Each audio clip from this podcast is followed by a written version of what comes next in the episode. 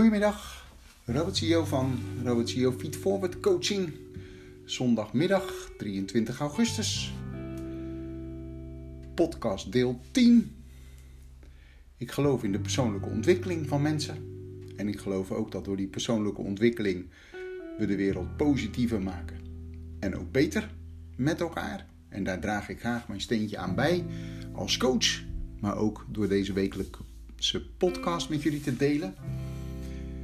Vandaag wil ik het hebben over je patronen die je gebruikt en de rol van het onderbewuste brein daarbij.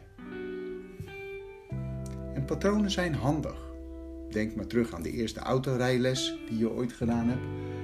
Moest je op een heleboel dingen letten. De rijschoolinstructeur nam nog wat taken van je over en je had al heel veel moeite om te sturen en ook nog om te zorgen dat je niemand van zijn fiets afreed en op tijd te stoppen. Gas geven, remmen, schakelen hoefde je vaak in het begin nog niet. Dat werd nog voor je overgenomen. En op een gegeven moment heb je dat allemaal geleerd om dat allemaal te combineren. Heel veel handelingen tegelijk. En dat wordt een automatisme. Dat wordt een automatisch patroon in je onderbewuste brein. En dat slijt je in via je bewuste brein. En dat is dus hartstikke mooi, want daardoor kan je lopen zonder dat het heel veel energie kost. Daardoor kan je sporten en bewegingen maken met sport die ingesleten zijn. Daardoor kan je fietsen. Daardoor kan je taken die complex zijn oplossen omdat je weet dat heb ik vaker gedaan. En dat worden dan automatische patronen. Super handig. Maar niet altijd handig. Heb je voorbeelden voor jezelf waarin jouw patronen je in de weg zitten? Ja, ik heb een mooi voorbeeld. Dat gaat over wat doen we als we het heel druk hebben. Ja, als je iemand tegenkomt en je vraagt hoe is het, dan volgt er meestal een standaard ja, gaat goed. Druk, druk, druk, druk, druk. En ook op dat niveau van praten. En wat gaan we doen als we het druk hebben? We gaan harder lopen. En dat is ook een automatisch patroon. Want dat hebben we ons aangeleerd. En dat is al heel lang geleden aangeleerd. als we onder spanning staan, onder druk staan. Bijvoorbeeld zoals vroeger, toen we nog holbewoners waren. Dat we oog in oog stonden met een sabeltandtijger. Dan was het best even druk. Want dan was er ook druk. En dan moest je als een speer wegwezen. Of vechten. En voor beide heb je adrenaline nodig.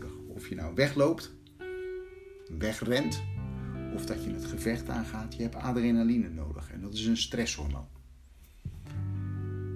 En in de huidige tijd, als we zeggen dat we het druk hebben, zitten we ook in die stress. We maken adrenaline aan. Dat is hartstikke handig, want dan kan je kortdurend extra energie vrijmaken en zorgen dat je je taak afkrijgt. Alleen tegenwoordig zakt de stress vaak niet. Blijven we heel lang in de stress hangen. Dus ook heel lang in de adrenaline kick. En dan put je jezelf uit. Want je kan dan namelijk niet meer bijkomen. Vroeger de holbewoners, als ze gevlucht waren voor de tijger, gingen ze daarna een tijd even rustig zitten. Bijkomen, het lijf weer laten tot rust komen en weer laten herstellen.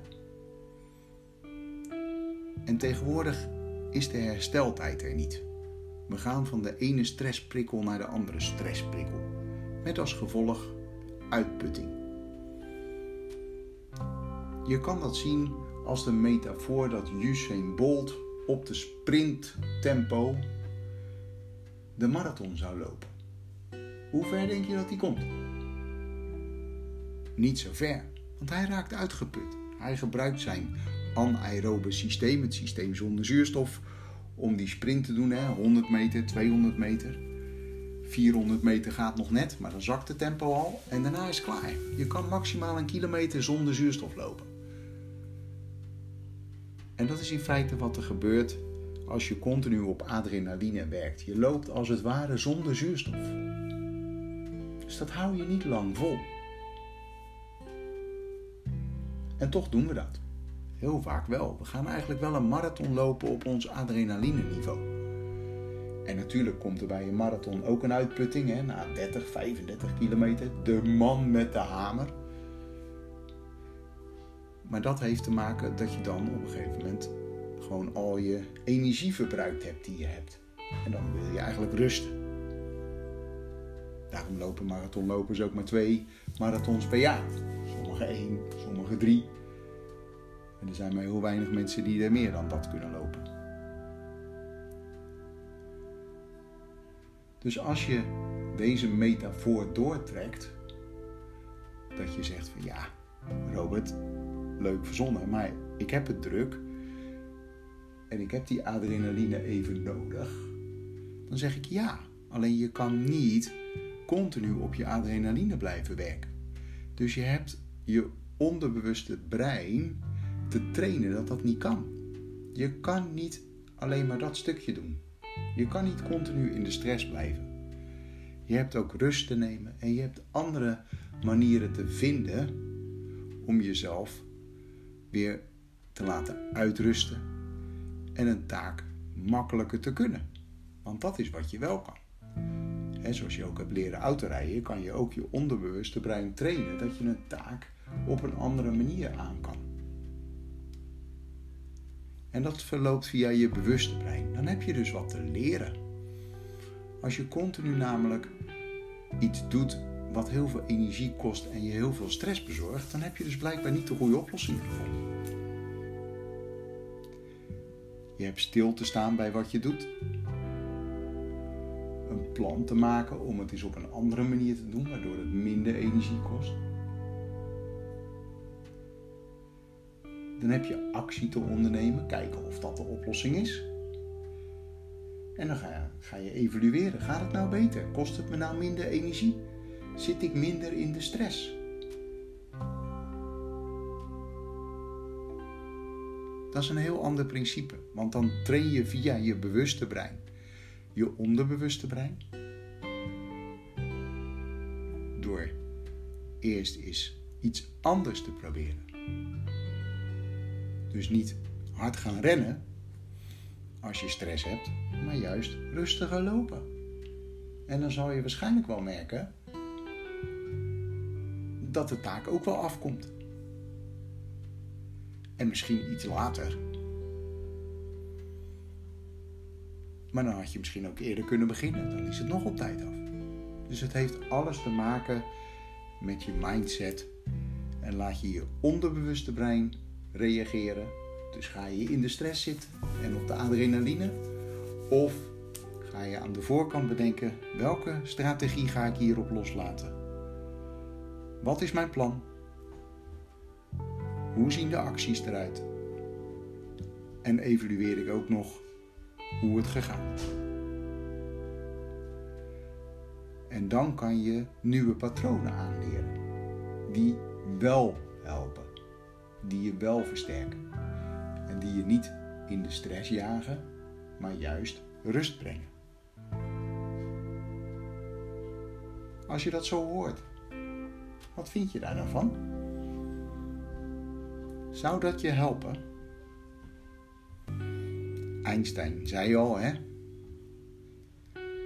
Insanity is doing the same things over and over again and expect a different outcome. Dus doe steeds hetzelfde, maar je verwacht wel een andere uitkomst. Dat is volgens hem gekte. Insanity. Dus als je merkt van hé, hey, ik heb eigenlijk mijn onderbewuste brein neemt de leiding. Als ik gestrest raak, als ik het druk heb, dan is het natuurlijk handig om op dat moment, in plaats van te gaan rennen, juist iets anders te doen. Juist stilstaan. En na te denken via je bewuste brein, wat zou ik nu kunnen doen? Welke acties zouden goed zijn? In plaats van op de automatische piloot allerlei dingen gaan doen die je altijd al gedaan hebt en die uiteindelijk je niet verder gaan brengen. En die je geen, niet de rust geven om het goede te doen. En het leuke van het onderbewuste brein is op het moment dat jij er een nieuw, efficiënter patroon op loslaat, wordt dat je nieuwe standaard. Dus dat helpt je dan. Want een keer daarop zal je, als je weer in een fase van druk zit, zal je dus een andere strategie toepassen. Niet meer de strategie van rennen, maar de strategie van: hé, hey, ik ga stilstaan, ik ga een plan maken, ik ga die acties doen en ik ga die evalueren. Zou het je helpen om het op die manier te doen? Ik ben benieuwd. Ik hoop dat je hier wat aan hebt. Ik vond het in ieder geval leuk om dit met jullie te delen. Volgende week komt er weer een nieuwe podcast met ook weer een praktische tip. En ik hoop je dan weer als luisteraar te mogen begroeten. Fijne zondag!